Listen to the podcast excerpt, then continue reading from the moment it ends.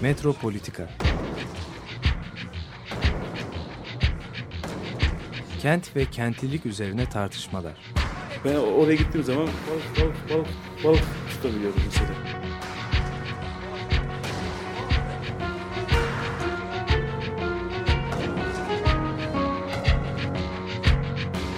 Hazırlayıp sunanlar Aysin Türkmen, Korhan Gümüş ve Murat Güvenç. Takusu yok yani. kolay kolay boşaltamadı. Yani elektrikçiler terk etmedi Perşembe Pazarı merkezinde. Metropolitika'dan merhabalar. Bu hafta programı Murat Güvenç ile ben Korhan Gümüş birlikte yapıyoruz. Ee, bu hafta e, geçen haftaki konumuza biraz daha bir e, ayrıntı ekleyelim diye ben tekrar e, şeye dönmek istiyorum. E, Büyükada'nın tepesinde inşa edilmiş olan bu büyük yapı Principo Palace ya da sonraki adıyla Yetimhane 1902'den sonra da Yetimhane binası olarak e, inşa edilmiş e, bu otel olarak inşa edilip sonra yetimhaneye dönüşmüş olan yapı. Bu yapının e, bu sene e, işte bu tehdit altındaki 7 miras listesine girmesi söz konusu.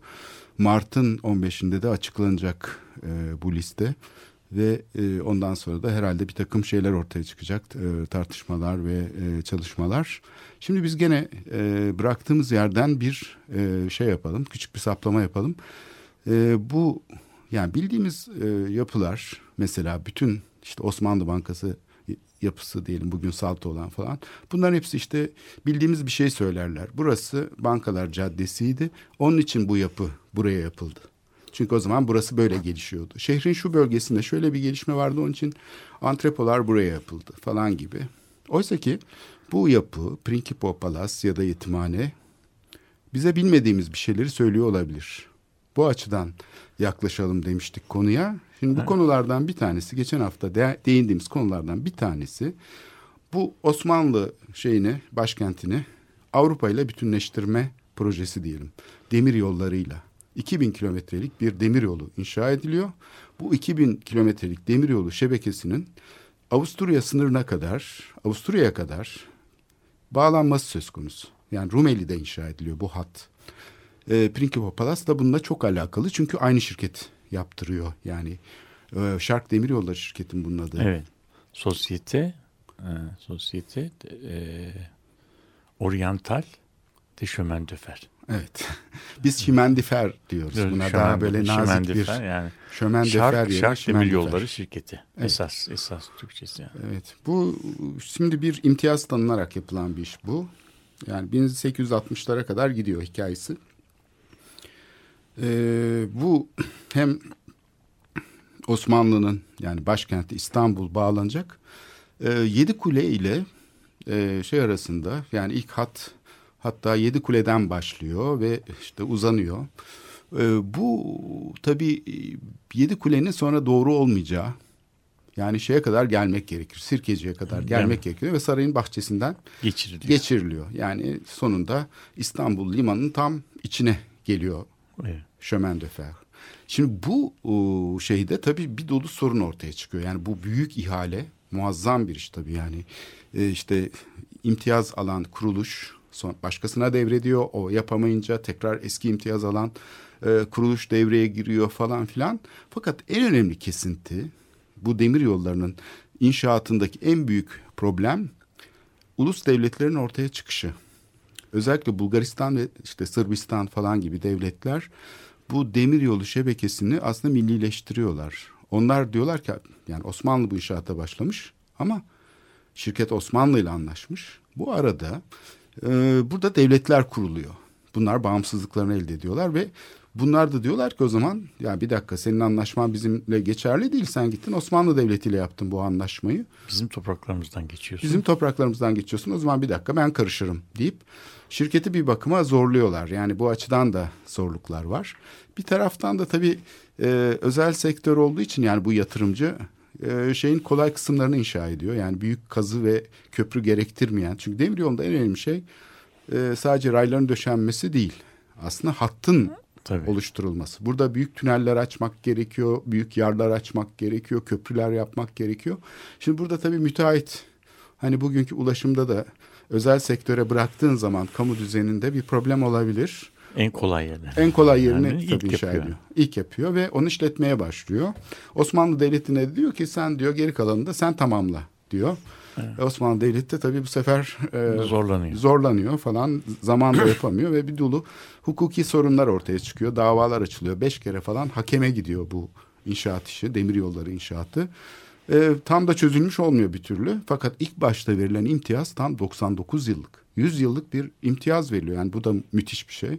Yani neredeyse hani eskime payını falan da katarsak e, kayıtsız şartsız verilmiş gibi bir şey. Ama sonradan tabii ki e, işte biraz da bu devletin içinde bir takım kayırmalar olduğu düşünülerek e, çok da e, sevimli bakmıyor. Yani hem padişah iradesiyle ilk müdahale yapılıyor. Ondan sonra da sürekli bir gerilim, e, şey e, karşılıklı resleşmeler falan ortaya çıkıyor.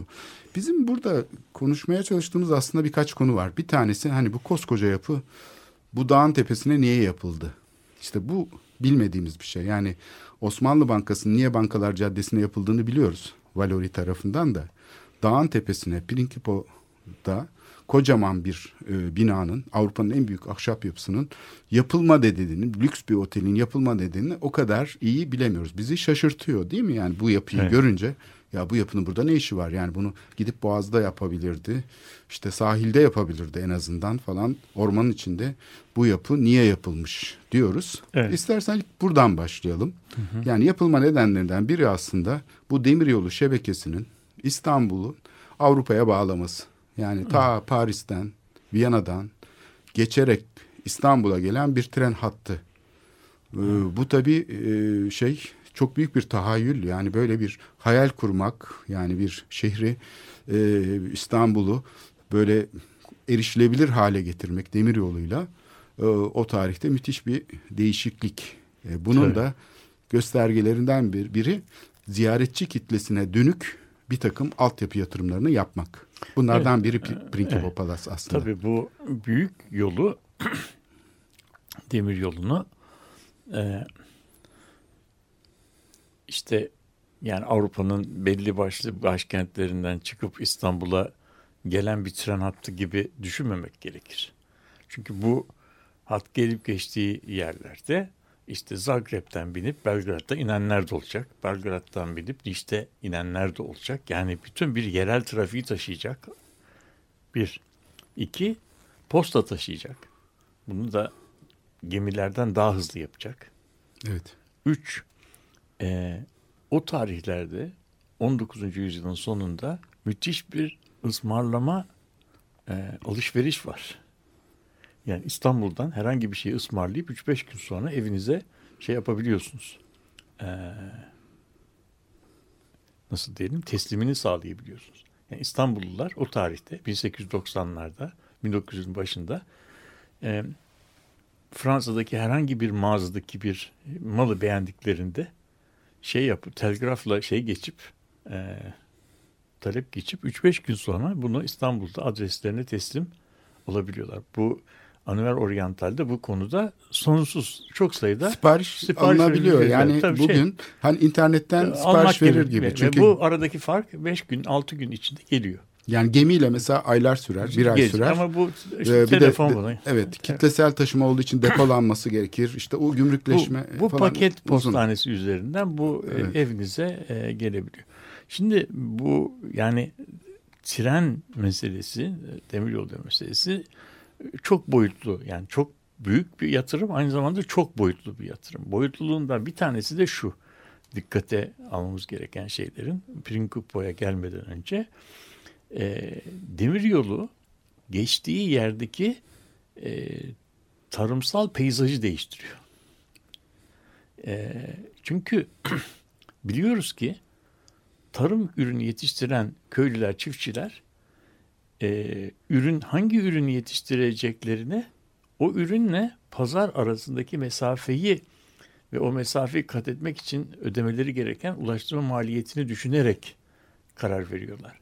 Eğer ürünü yetiştirmenin maliyeti artı onu pazara taşımanın maliyeti pazardaki fiyatın üzerindeyse o ürün orada esi ekilmiyor. Bu nedenle e, Anadolu Demiryolları yapılana kadar İç Anadolu'da ticari anlamda buğday yetiştirilmiyor. İç Anadolu tamamen e, kırlık bir yer ve orada teftik keçisi yetiştiriliyor.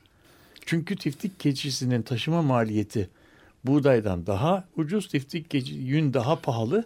Onu kervanla İstanbul'a getirip sattığınız zaman para kazanabiliyorsunuz. Ama demiryolu yapıldığı zaman bütün Anadolu'nun, İç Anadolu'nun deseni değişti. Şimdi bu şey, e, şark demiryolları sadece şeyi e, e, Avrupa'yı şeye İstanbul'a bağlamıyor. Aynı zaman geçtiği yerdeki bütün tarımsal peyzajı da değiştiriyor. Ki mesela Trak, Trakya'daki ürün desenini değiştirmek, Bulgaristan'daki ürün desenini değiştirmek ve tarımsal üretimi arttırarak şeyin Osmanlı Devleti'nin de borç ödeme kapasitesini nasıl diyelim yükseltmek şeyi var. Şeyin Düğün Umumiye bunu sadece burada yapmıyor. Aynı zamanda mesela Bursa'yı Mudanya'ya bağlayan demiryolunu da yaptırıyor. Bursa, Bursa'da ipekçilikle ilgili okullar açtırıyor filan. Yani bu Düğün Umumiye aslında Osmanlı İmparatorluğu'nun borç ödeme kapasitesini de yukarıya çıkarttırıyor. Yani bu, bu demek ki bu demiryolunun yapılması öyle basit bir e, olay değil. Çok boyutlu bir olay. Bundan evvel bundan evvel bunun Prinkipo ile ilişkisi e, Osmanlı tarafına gelmeden önce demiryolu Bükreş'ten Köstence'ye kadar uzun bir demiryolu var. Evet oradan Şimdi, hatta aktarmalı geliyor. Tamam, Denizden yani, geliyor bazı şeyde, şeyler. Yani evet. İstanbul'a erişmenin en kolay yollarından bir tanesi ya trenle Köstence'ye gelinecek ya Viyana'ya gidilecek. Viyana'dan Avusturya Macaristan İmparatorluğu'na ait olan nehir gemileriyle Köstence'ye gelinecek. Oradan gemi değiştirip gemiyle İstanbul'a gelecek. Yani İstanbul'un erişiminde böyle bir şey var. İstanbul'un Avrupa ile iletişim bağlantısı da Köstence üzerinden bir telgraf hattıyla sağlanıyor. Yani İstanbul Dünya. Bu şey şark demir yolları bütün bu sistemi değiştiriyor. Burada da yani senin söylediğin gibi hat tek seferde bir büyük proje olarak yapılmıyor. Parça parça yapılıyor. En sonunda da işte e, şey Dede Ağaç e, Dede Ağaç Sirkeci Dede Ağaç işte yedi kule bağlantısı yapılarak işte Yunanistan'daki hatta şeye kadar bağlanıyor. Yoksa Selanik'in e, bu hat üzerinden şeye bağlanması e, Avrupa'ya bağlanması çok daha eski tarihlere e, gidiyor. Yani sonuçta bir şekilde bu İstanbul'a geliyor. İstanbul'a gelindiği zaman buradaki şimdi buradaki şey vurgulamak istediğim şey bu, bu Katar şeyden e, Avrupa'dan kalkıp e, İstanbul'a geldiği zaman bunun lokomotifle yani bu tek tek bir tren değil. Bunun içerisinde bir yataklı vagonlar kısmı var. Bir de diğer e, yolcuların seyahat ettiği yer. O diğer yolcular aslında büyük ölçüde trenin o kısmı yerel trafiğe hitap ediyor. Yani sen Zagreb'ten binip e, Belgrad'da iniyorsan yataklı vagonda gitmiyorsun. O trenin öbür kısmında gidiyorsun. Arkasına ekleniyor. Yani, yani şey, şey arkasında şey. Bunu ar- arada o kısım. Hı hı. En arka kısımda şey yataklı vagon. Yataklı vagonlar trenin en arkasında çünkü gürültüden ve sallantıdan en az e, şey olmaları gerekiyor. Uzun süren bir şeydi. Orada da gelenler geçen gün o adalar toplantısında söyledik. Bunlar da işte bir çeşit büyük tura çıkmış olan e, seyyahlar. Bunları turist dememek lazım. Bunlar çünkü şeyleriyle beraber gelen adamlar. Yani bir aile efradı, yakınları, hizmetçileri, e, uşakları, kahyalarıyla beraber seyahat eden bu Agatha Christie'nin Mısır'la ilgili filmlerinde örneklerine rastladığımız yani böyle e, bir yere gidildiği zaman çatal bıçağın da beraberde beraberlerinde götürülür. Sadece giysi meselesi değil. Oraya gidildiği zaman belli bir adap içerisinde yemek yenecek. Onun için yemek takımları da gidiyor. Yani düşünebiliyor musun? Bir seyahat ettiğin zaman sadece çamaşırlarını alarak gitmiyorsun. Uşakların geliyor ve senin her türlü ihtiyacında beraber. Bu, bu bayağı kalıcı uzun.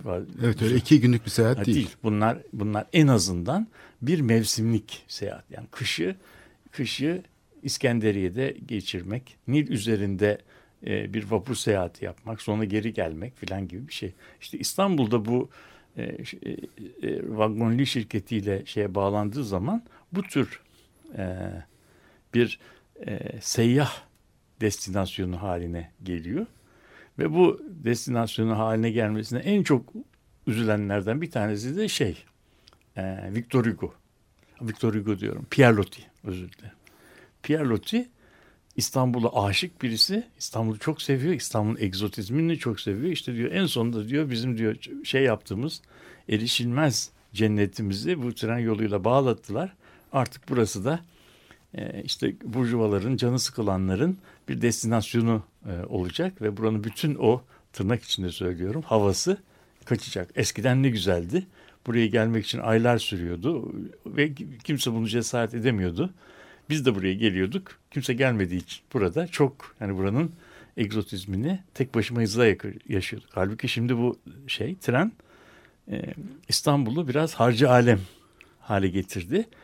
Ve işte artık Avrupa'daki bu canı sıkılanlar o mal de siècle diyor. Yani yüz yılın rahatsızlığına tutulmuş olanlar, mutsuz olanlar, Paris'te kendini gerçekleştiremeyenler işte can sıkıntısından trene atlayıp işte İstanbul'a gelecekler filan. Ve bunların sayılarının da çok olduğundan şikayet ediyor. Yani uçak yolcuları gibi. Değil, gibi. Evet, evet. Yani sanki evet. bugün uçağa atlayıp nasıl yani, insanlar her yere yani, gidiyor. Yani, gidiyor. gibi. Yani işte evet. ve ondan sonra da işte artık Bodrum eski Bodrum değil. Bodrum çok bozuldu. Ah nerede Alanya falan gibi. Bugün herkes alan. Şimdi buna benzer şeyleri söylüyor yani yerellikle ilgili. Tabii bu tür e, yolcu miktarı artınca bunların e, bunların şehirdeki konaklama ihtiyaçları başka türlü. Şimdi bunlar çünkü bunlar şehirde 3 ay falan kalacaklar. En yani daha fazla kalmayacaklar. 2 ay kalacaklar ama 2 ay bir otel odasında kalmak için fazla uzun. Ev tutmak için de fazla kısa bir süre. Ve İstanbul'da bunları bunları şey yapabilecek. Hani bunların talebine cevap verebilecek konut da yok. Yalılar falan var ama onun sahibi var. Onlar o yalıları kira için yapmamışlar. E şehirde bunların oturacağı kira evlerinde bunlar oturmazlar. E, otelde oturmaya şey otelde oturmak için fazla uzun bir süre. İşte o tabii bize e, mesela Pera Palas'ın Pera Palas'ın Tarabya'da Summer Palace diye bir şeyinin e, kardeşinin yapılmasına sebep oluyor. İşte yazın gelindiği zaman Pera Palas'ta kalınmak yerine Summer Palace'ta Tarabya'da kalınıyor. Vapurla şehre iniliyor. Oradan da e, geri giriliyor. Her günde şehre inilmiyor. Bazı günler şey yapılıyor.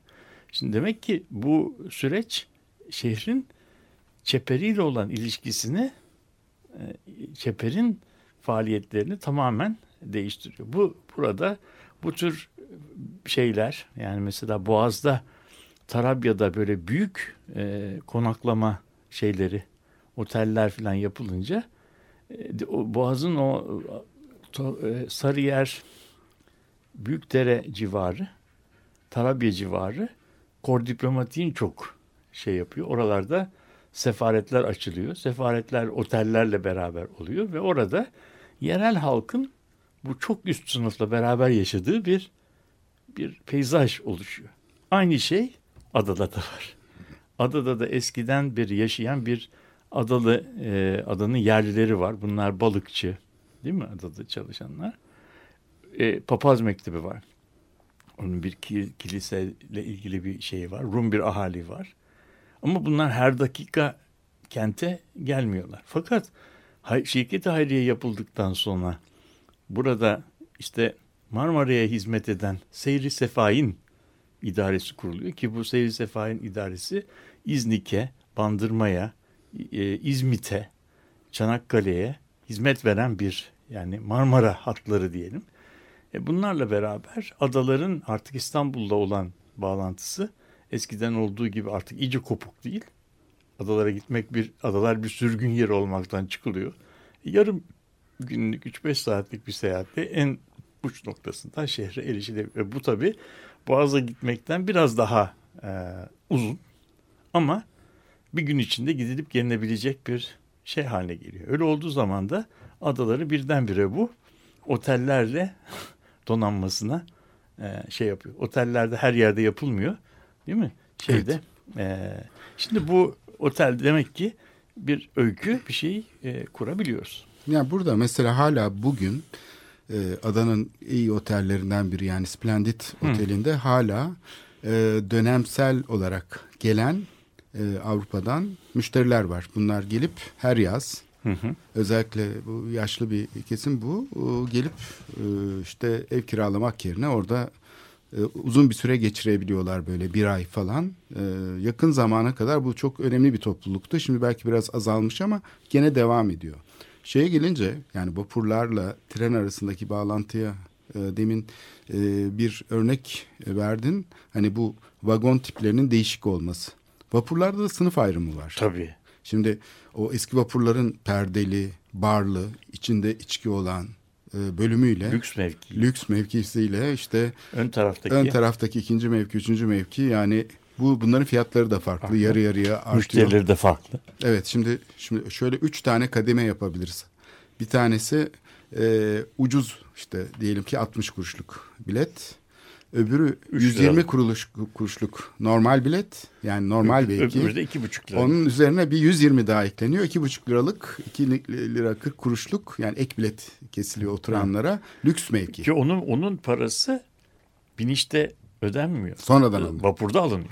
Evet. Şimdi o bar işletmesi ayrı bir işletme. Evet. Şimdi bu masalarıyla, koltuklarıyla, içki servisiyle. Sigara sigara içebiliyorsun içeride yani şeylerle. Bu çok benim çocuk bizim çocukluğumuzda vardı. Hala o, yani o e, vapurların hatırlarsın en arka e, kısımda e, oraya oraya geçiş e, paraydı da yani geçebilirdin de oturmak paraydı. Evet şimdi oturmak evet geçmek para değil. Ee, ve orada koltukların belli saatlerde belli insanlar tarafından kullanıldığı Tabii görülür. onlar hasırlı bir koltuklar değil mi? İçinde Evet. yastıkları var şeye benzemiyor. Banka benzemiyor. Yani oturma düzeninde iç kısımda standart bir banka oturuyorsun. Halbuki orada bir küçük masa var. Masanın karşısında Bağımsız bir iskemle var. var. Onun üzerinde sigara tablosu var. Sen orada oturuyorsun. Yani bu tabii e, önemli bir e, farkı şey yapıyor. E, trende trende yataklı trende buraya gelen işte bilmem Principe Palas'ta e, oturan adamın kente e, indiği sırada vapurda oturduğu yer avamla beraber değil. Yani bir bayağı şeylerin e, işte sınıf farkının çok belirgin olduğu bir toplumdan bahsediyoruz yani. Bir de e, şeyi de belki altın çizmek lazım. Geçen programda değinmiştik. Şimdi e, normalde yük vagonları ve ayakta hatta yolcu taşınan m, bu şey e, kısa mesafeli yolcuların taşındığı vagonlar tek dingilli. Ve bunlar makaslı. Yani bildiğimiz at arabalarının makası gibi. Oysa ki vagonlinin vagonları bugünkü bugünkü vagon teknolojisinin yani fevkinde çok, benziyor, çok benziyor. Aşağı yukarı yani bu devrim 100 yıl önce vardı. Çift dingilli uzun vagonlar bunlar ve, Ve büyük böyle süspansiyon sistemleri Evet. üzerinde oturan ve şey yapıldığı zaman uyumaya izin veren yani sarsıntıyı en aza indiren ve uyku uyumaya elverişli içinde tuvaleti olan şeyleri olan duşu bağımsız olan evet. bağımsız tuvaleti olan e, birimleri olan e, içeri şeye nasıl diyelim tıpkı bir otel şeyinde e, şeyi kondüktörü çağırıp bir şey e, ısmarlayabileceğin Evet. yani illa vagon restorana gitmek zorunda kalmadan Oda servisi. oda servisi alabileceğin. Oteldeki gibi yani. Tabii. Çok şık Şey- kıyafetler şey, var. Yemeğe kıyafetini giyerek e, Ag- Ada- Agatha Christie'nin romanlarında buna benzer e, sahneler e, çok var. Yani o vagon restoranın şeyi müdavimlerinin e, kimler olduğu çok açık bir şekilde seyredilebiliyor. Yani bugün uçakta uçak çok demokratik bir şey oldu. Yani uçakta her şeyi rastlıyorsun. İşte o sınıf farkı biraz işte bu first class dediğimiz, business class dediğimizle ekonomi arasındaki fark. Bu bunun çok daha belirgini şeyde. Ee, yani Peki yaşadığı- şey hatırlıyor musun? Demir yollarında hizmet veren, e, yolculara hizmet veren e, kondüktör mü deniyordu onlara? Onların kıyafetleri de aslında çok e, şık. Yani otel e, İşte kapısındaki şef, şef, şeyler şef gibi. tren deniyor işte. Ha. Şef tren. Evet. Yani şef tren o işte o onlar bir bir yani tren hattı üzerinde çalışan bir oteli işleten metrotel gibi bir şey işte o adam. Yani e, şeyin e, dikkat edilirse hatırlanırsa e, trene yata- yataklı tren yolcuları iki tane bilet alıyorlar. Bir tanesi onların biletleri demir yollarındaki taşıma şeyi. Yani onlar o bileti ama yataklı trene giderken sizi kapıda birisi bekliyor ve oradaki listeyle sizin isminizi karşılaştırıyor. O işte resepsiyoncu. yani otelin resepsiyoncusu. Acaba içeride oturmaya sizin hakkınız var mı? Sizin çünkü aldığınız zaman isminizle şeyinizi kontrol ediyor. Yani o resepsiyondan geçtikten sonra sizi nasıl otelde odanıza çıkarılıyor onlar da sizi birisi getirip eşyanızı götürüyor. gö- götürüyor. Evet. Eğer çok büyük bir eşyanız varsa o da furgona götürülüyor. Evet.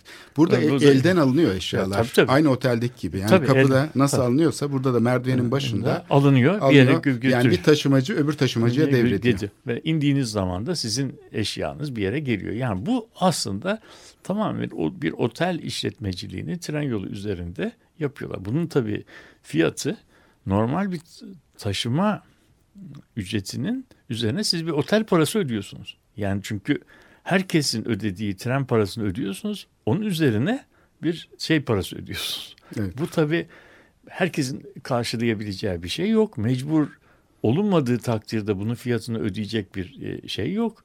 Ancak bunu zevk için yapabilecek seyyahlar çok çok yüksek varlıklı insanlar. Bunlar İstanbul'a geldikleri zaman da İstanbul'un otelleri bunları yani e, çoğu oteli bunlar Sirkeci'deki bir e, yerel otelde geceyi geceleyemezler. Yani on- o, o oteller onların şeyini onlar onun için Pera Palas'a giderler. Veya yaz, yazın Summer Palace'a giderler. Veya işte adadaki bu e, güzel otellere giderler. O adadaki otellerinde bugünkü senin söylediğin gibi işte baharda başlayıp kışı kış aylarına kadar kalındığını ondan sonra nasıl adanın sayfiye özelliğiyle insanlar e, adadan e, şehre çekiliyorlarsa bu otellerinde belki şeylerinin iş hacimlerinin çok azaldığı onların bir çeşit standby'a hani geçme, gelecek bahara kadar e, tamiratlara şeylere başlamaları dönemi oluyor. Yani kışları onların bir bir çeşit e, kış uykusuna yattıkları dönem. Yani adanın sayfiye özelliği e, Boğaz'daki e, köylerin sayfiye özelliğinden çok çok e, şey belirgin ve şirket hayriye dediğimiz Boğaz vapurları e, Boğaz'daki sayfiye özelliğini hızla e, geri, geri alıp Boğaz'ı sürekli ikamet edilen bir yer haline getirirken bu mesafe nedeniyle lodoslar nedeniyle, fırtınalar nedeniyle o zamanın vapurları İstanbul'da pek mümkün olmuyor. Yani kışın oturulan bir yer olmuyor. Kışın ada kendi sakinlerinin eee, kaldığı bir yer oluyor. Ve tabii orada kimler kalabiliyor? Papazlar kalabiliyor. E ondan sonra da şimdi bu yetimhane olabiliyor. Çünkü yetimhane e, yetimhane açısından bu e, eğer burada otel biraz sonra konuşacağımız sebepten dolayı işletilemiyorsa bunun tahsis edilebileceği en mantıklı şey e, fonksiyonlardan bir tanesi yetimhane. Çünkü yetimhanedeki e, çocuklar oradan hani şehirle ilişkileri e, ayda yılda bir diyebileceğimiz bir şey. Orada kalacaklar, orada büyüyecekler, oralı olacaklar yani. Onlar orada büyütülecekler. Şehre gitmeleri söz konusu değil. Onun için o, o, evet.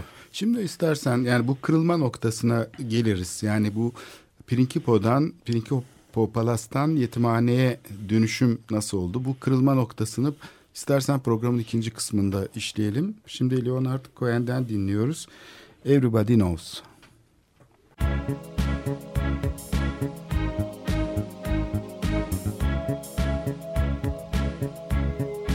Everybody knows that the dice are loaded. Everybody rolls with their fingers crossed. Everybody knows the war is over. Everybody knows the good guys lost. Everybody knows the fight was fixed. The poor stay poor, the rich get rich. That's how it goes. Everybody knows.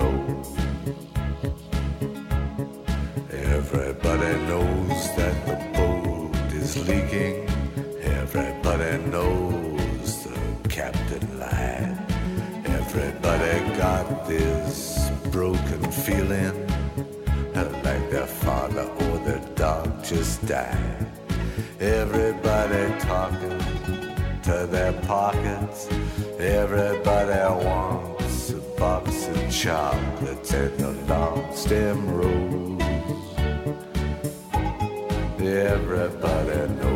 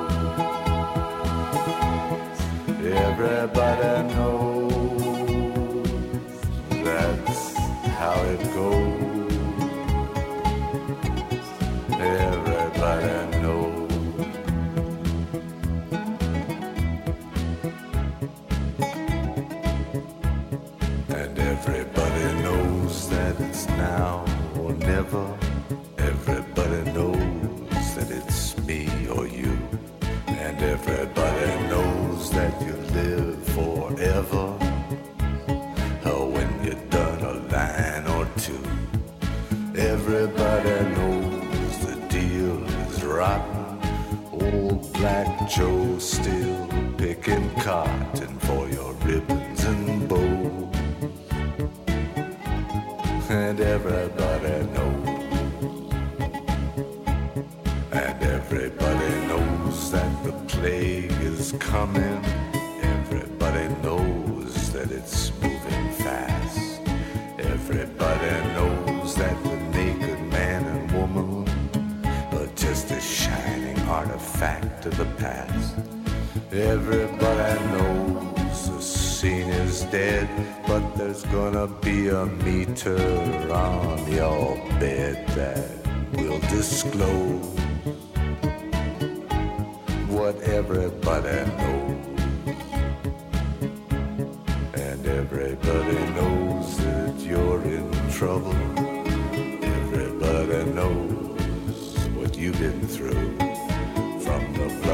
Cross on top of Calvary uh, to the beach in Malibu.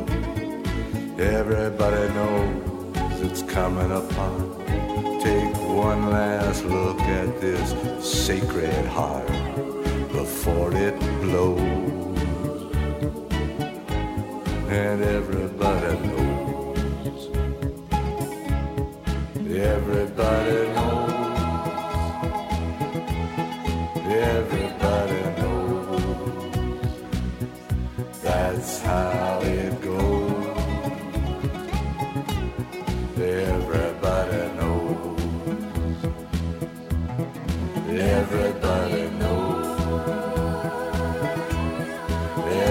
Everybody knows. That's how it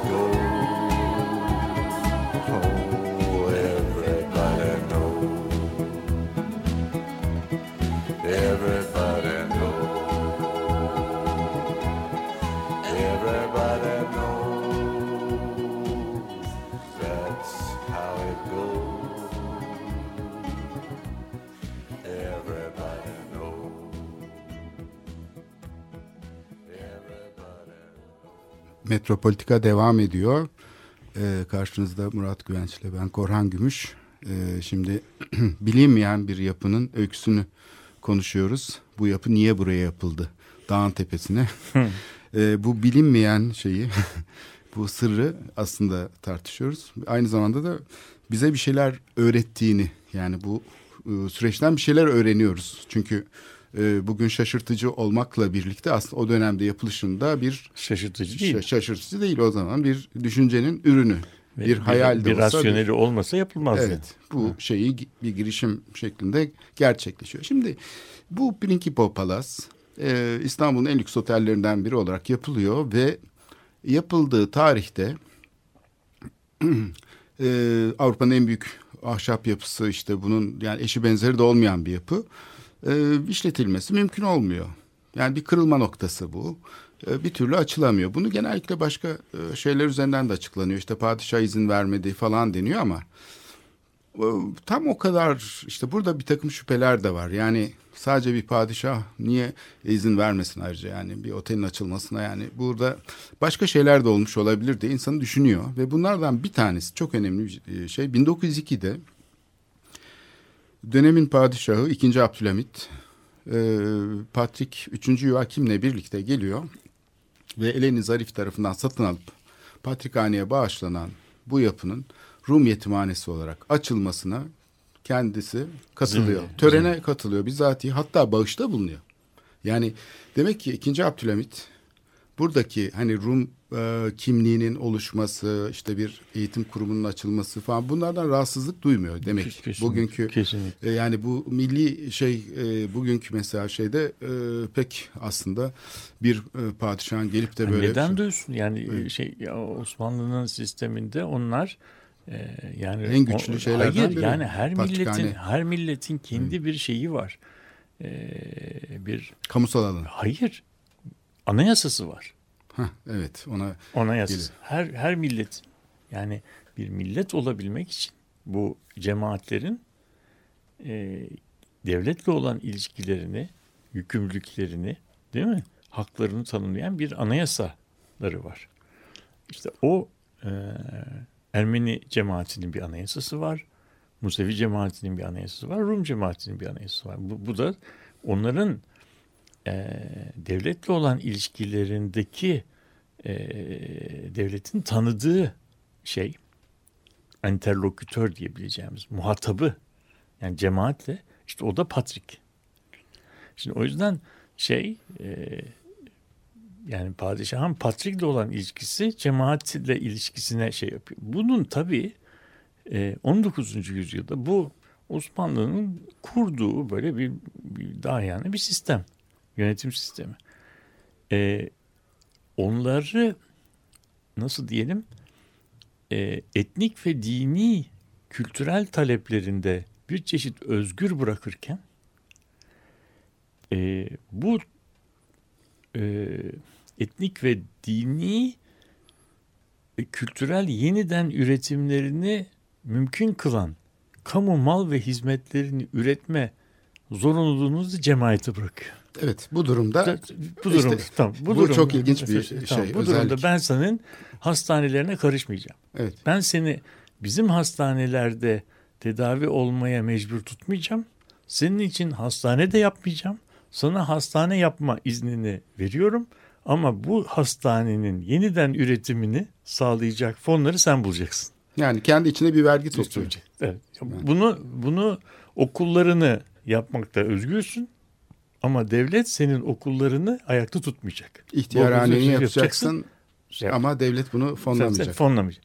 Sen bunun sen o zaman bunu kurduğun zaman bunun aynı zamanda fonlanmasını da beraberinde düşüneceksin. Şimdi bunların hastanelerini düşünürsen mesela çok muazzam bir kompleks olan Balıklı Rum Hastanesi'nin ki çok büyük bir hastane. Yani ilaç bile üretiyor biliyorsun Tabii, bu tabii. hastane çok Evet. önemli bir e, Evet, kurum. bu hastanenin şeyi finansmanı küçük ve büyük millet hanlarından geliyor. Bunlar da Karaköy'deki en önemli e, şeyler. Bunların hala e, adları e, şeyde 1900'lerin başındaki Goat haritalarda e, şey yapılabiliyor.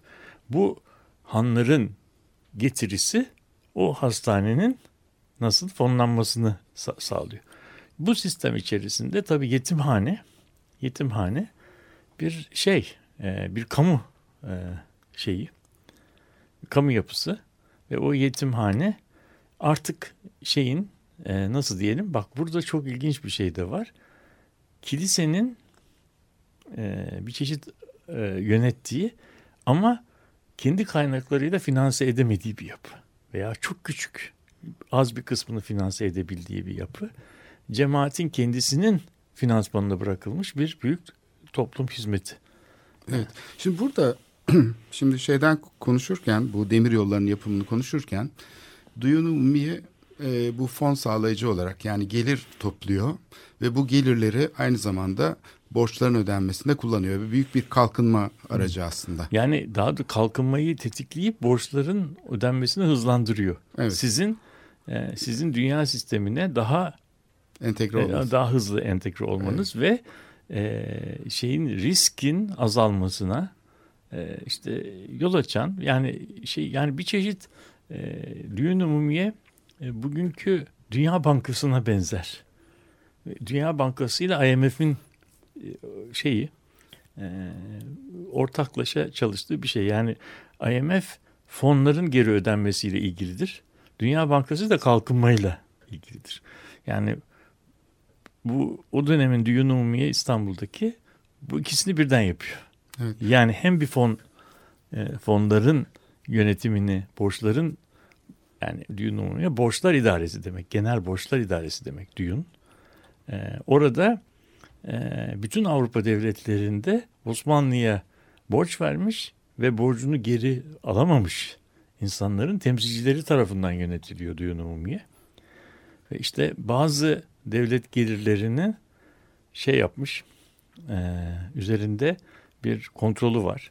Mesela tütün, kibrit, balık, tuz gibi malların alım satımı tamamen Düğün Umumiye'nin Evet, vergilendirmesi. Demir yolu e, finansmanında da Duyunu Ummiye devreye giriyor. Devre, devreye Yani bu giriyor. krizden o, o, sonra, O, o da tabii o da Evet. e, demir yolu finansmanını yaparak ne yapıyor? Senin tarımsal üretimini e, canlandırıyor. O da senin e, gelirlerini ver, ve vergilerini e, vergi miktarını e, arttırıyor. O da devletin borç ödeme kapasitesini yükseltiyor. Böyle bir şey.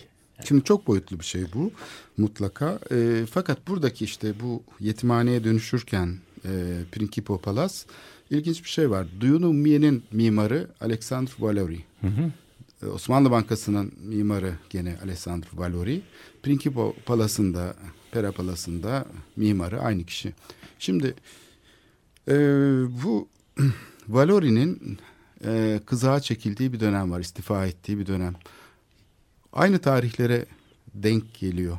İlginç bir şekilde. Yani e, şöyle belki e, düşünülebilir. Şimdi bir tane Fransız ulus devlet modeli var. Aslında bu Fransız ulus devlet modeli, İngiliz ulus devlet modeli bunlar biraz şeyden farklı. Alman ulus devlet Tabii, modelinden tabii, farklı. Burada Almanlar devreye girmeye başlıyor. Yani bu e, şey e, mesela Almanların bir homojen toplum yaratma hani daha nasyonel sosyalizm falan ortada yok ama Almanya e, şeyinde yani bu Almanya'nın milli kimliğinin inşasında çok farklı bir süreç yaşanıyor Fransa'dan. Fransa daha eklektik, daha çok kültürlü, daha böyle Avrupalı bir kimlik üzerinden e, şey yaparken kültürel alanı e, tanımlamaya çalışırken zaman zaman özellikle mimarlıkta falan Almanya'da daha böyle bir e, şey var. E, milli kültür programı gibi. Bu eğitim programına da yansıyor. Mesela bu sanayi nefsinin eğitim programı ilk başta hani Paris'teki Bozar şeyi gibi. Valor de orada eğitim görmüş zaten. Ama daha sonra o mektebi mühendishanede daha farklı bir şey var. Eğitim programı var. E, bu İstanbul'daki bu e, şey üzerinde de sanki etkileri var gibi. Yani Valori'nin okulda e, okul yönetiminden çıkması ile aynı zamanda bu mesela Haydarpaşa'da dönüşüme baktığımız zaman işte Haydarpaşa Garı'nın yapımı Alman mimarlar tarafındandır. Önündeki iskele, arkasındaki pasaport dairesi, dikim evi falan bunların hepsi aslında onunla eklemlenen işte milli mimarlık akımının e, eserleridir. Valori böyle kalkmış şeyin üzerinde, Mendire'nin üzerinde bir tane anıt yapabilmiştir orada sadece. E, ikinci Abdülhamit'in işte 25. Culus töreni anısına yapılmış bir anıt durur orada. O hala böyle bir neo barok falan e, tarzda bir anıttır. Küçücük bir şeydir aslında ama karşı tarafta böyle daha farklı bir hava esmektedir.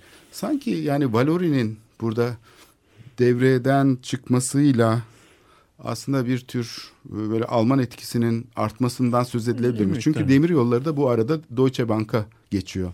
Evet, Demiryollarının tabii, yönetimi. Tabii yani işte o dönem tam e, iki sermaye alanı arasında e, bir geçiş var. Yani İngiliz ve Fransız sermayesinin kontrolü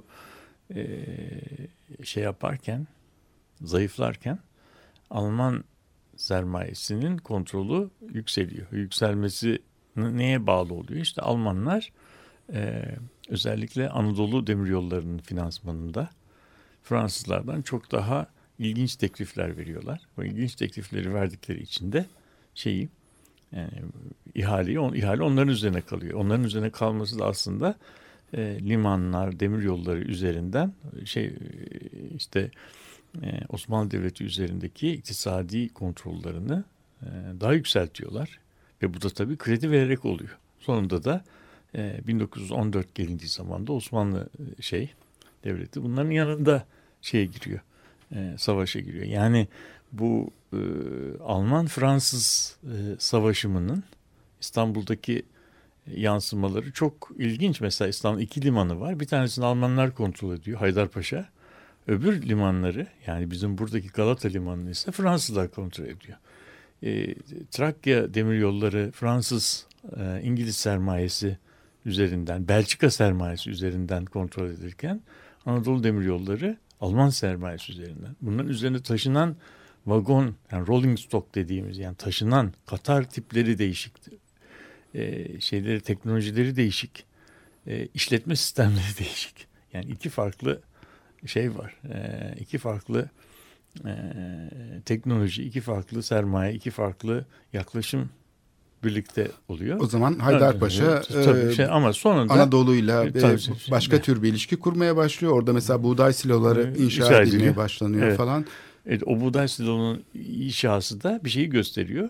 Ee, o tarihe kadar e, İç Anadolu'dan İstanbul'a buğday gelmez iken İstanbul buğdayını işte e, Ukrayna'dan, e, Burgaz'dan, Köstence'den, Romanya'dan temin ederken artık bunu e, kendi e, yani İç Anadolu'dan geçirmeye var. Bu tabii e, İstanbul'un e, Anadolu ile olan ilişkilerinin çok radikal bir şekilde değişmesi anlamına geliyor. Almanlar bu hattı e, inşa ederken aynı zamanda hattın iki tarafındaki madenleri işletme, oralara yerleşimler kurma, işte insanları oraya göçmen yerleştirme gibi büyük imtiyazlarla çalışıyorlar. Yani, yani İstanbul'un e, 1880 ila 1910 arasındaki o 30 yılı aslında dünyaya eklemlenme projelerinin sürekli olarak masa üzerinde olduğu ve müzakere edildiği, yeniden müzakere edildiği,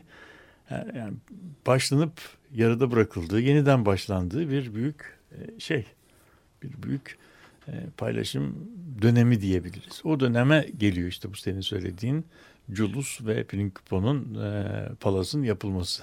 Evet burada e, farklı e, sermaye grupları gibi farklı e, girişim tiplerinin temsilcileri var ve bunlar arasında da bir rekabet ve diplomasi alanı. Evet, evet tabii. Veya İstanbul bu açıdan da eşsiz. E, tabii yani mesela bak bunu bunu şey yapmak için aklıma şimdi geldi. Yani e, İstanbul'da bu Prinkipo Palace inşa edilirken aynı dönemlerde Nice'de, Nice şehrinde e, deniz kıyısında Promenade des Anglais yani İngilizlerin e, şeyi e, Gezi. nasıl- gezi şeyi promenadı yani gezi şeyi hemen ona bitişik çok büyük bir şekilde Otel d'Angleterre İngiltere Oteli. Yani şimdi o 1890'lara gelindiği zaman artık İngiliz şeyden e, e, kaleye vapurla gelip oradan trene binip e, yazı veya baharı o yağmurlu iklimde değil Akdeniz'in güzel ikliminde geçiren ve orada aylar kalan sonra geri giden bir sınıf var. İşte bu sınıftan bahsediyorum yani. Evet, biz geçen programda e, şeyi e, bu ulaşımla ilgili bazı yayınlardaki e, bir e, kavramı sorgulamıştık, ihtiyaç kavramını. Çünkü hatırlarsan e, bu hem şark demir yollarının inşası olsun, hem şehir içi ulaşımı işte kolaylaştıran bu vapur sisteminin kurulması olsun. E, bunları bir ihtiyacın karşılanması olarak yani şehirde artan ulaşım ihtiyacını karşılamak gibi bir şekilde açıklayan bir e, yaklaşım var ama aynı zamanda da bu ulaşımın aslında kendisinin ihtiyacı yarattığı gibi de Tabii. tam karşısından da bakılabilir. Çünkü Tabii, tabii. böyle bir ihtiyaç yoktu ondan Tabii, önce. tabii. Ulaşım Şeyin- kendi ihtiyacını yarattı Evet, diyebiliriz. bunun bunun bir altın şeyi vardır. Yani altın e, kuralı vardır. Metro e, hatlarını e, tasarlayanların şeyidir, kullandıkları şeydir.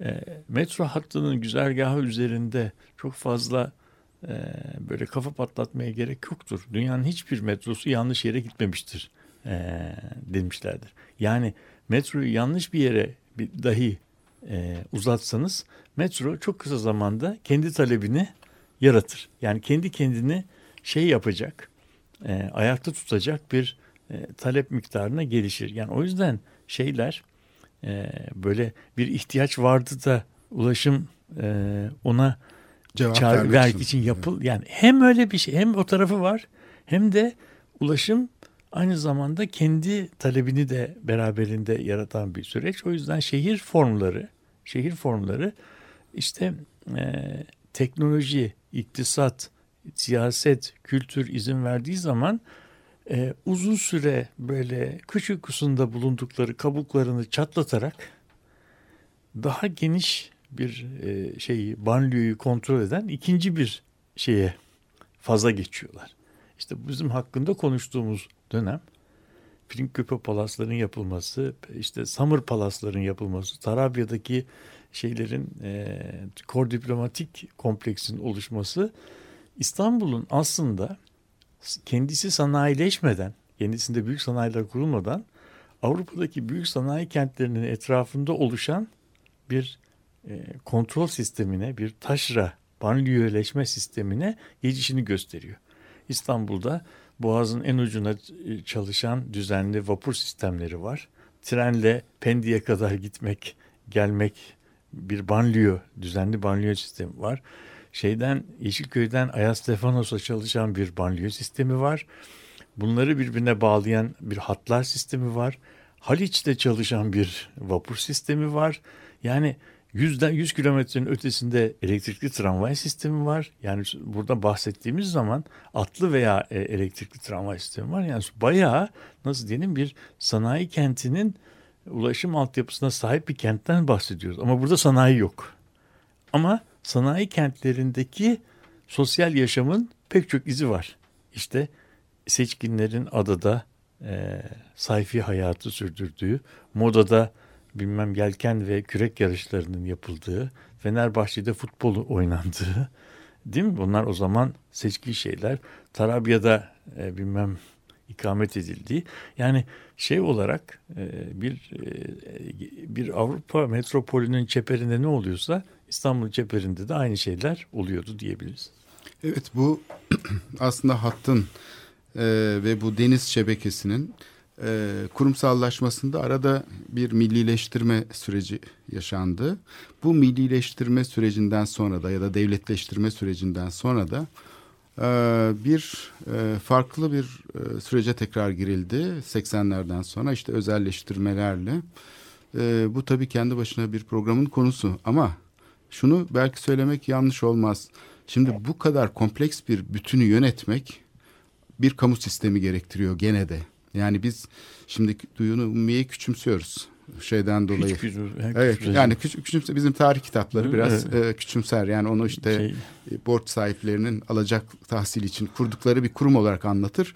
Onun e, yapıcı tarafını yani kurumsallaşma tarafını biraz göz ardı eder. Bu da milli e, ekonomi e, tarih yazımında Yani olan bir şeydir. şey- Yani bunu aslında bu süreci biz e, biraz dersimiz çalışarak yönetmiş olsaydık belki İstanbul'un bugünkü ulaşım altyapısındaki bu problemler ortaya çıkmazdı. Mesela Marmaray'ın merkezi yönetim tarafından sahilde inşa edilmesi yerine E5 altında bir metro şebekesi bağlantısı şeklinde yapılması ve eski endüstriyel sitin yani 19. yüzyıl sonundan kalma olan bu sitin aslında korunarak, geliştirerek bazı şeylerin yenilenerek mesela çalışması mümkün olabilirdi hiçbir kopukluk yaratmadan. E, senin söylediğin yerde zaten bir metro yapıldı yani daha sonra. da. E, yapıldı. Belediye bunu fark etti ve hemen e, fırsatı kullandı ama e, ama e, işte Marmaray'da metro gibi çalış şey metrobüs Evet, gibi çalışmaya şimdi başladı. Şeyde tabii me- metro sistemlerinde bir altın bir başka altın kural var.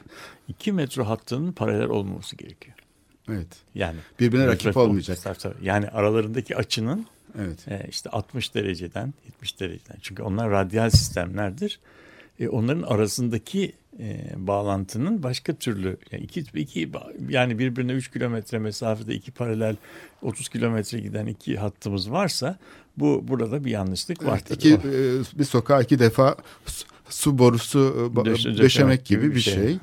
Evet yani burada yani bir binadan hareketle aslında bunun arka Yani o planındaki bina bir, sürü- bir şeyin birçok şeyi e, birçok şeyi konuşma fırsatı buluyoruz. Bu da enteresan. Yani bir sadece bir Principal Palace ya da bir yetimhane binasının Nasıl- şehir tarihiyle yani ilgili bize neler ediyor. Tanıklık nelere tanıklık ettiğini ki bizim bilmediğimiz o kadar çok şey var ki yani onları hiçbir zaman bilemeyeceğiz. Sadece kendimizi zorluyoruz, İşte konuş, çok e, öğrenmeye lazım. Evet. çalışıyoruz. Bu programın da böylece sonuna gelmiş olduk. Sadece bir binayı konuşarak bir parçada şehir tarihine Bina dokunmuş olduk. dünya tarihi. Haftaya görüşmek üzere. Hoşçakalın.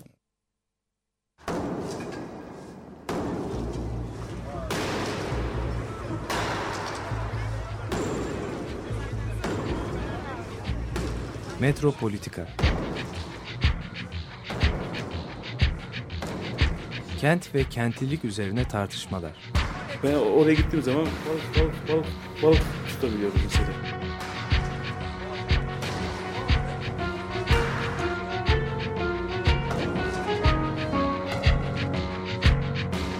Hazırlayıp sunanlar Aysin Türkmen, Korhan Gümüş ve Murat Güvenç. Takusu yok yani. Kolay kolay boşaltamadı. Yani elektrikçiler terk etmedi Perşembe Pazarı merkezinde. Açık Radyo program destekçisi olun. Bir veya daha fazla programa destek olmak için 212 alan koduyla 343 41 41.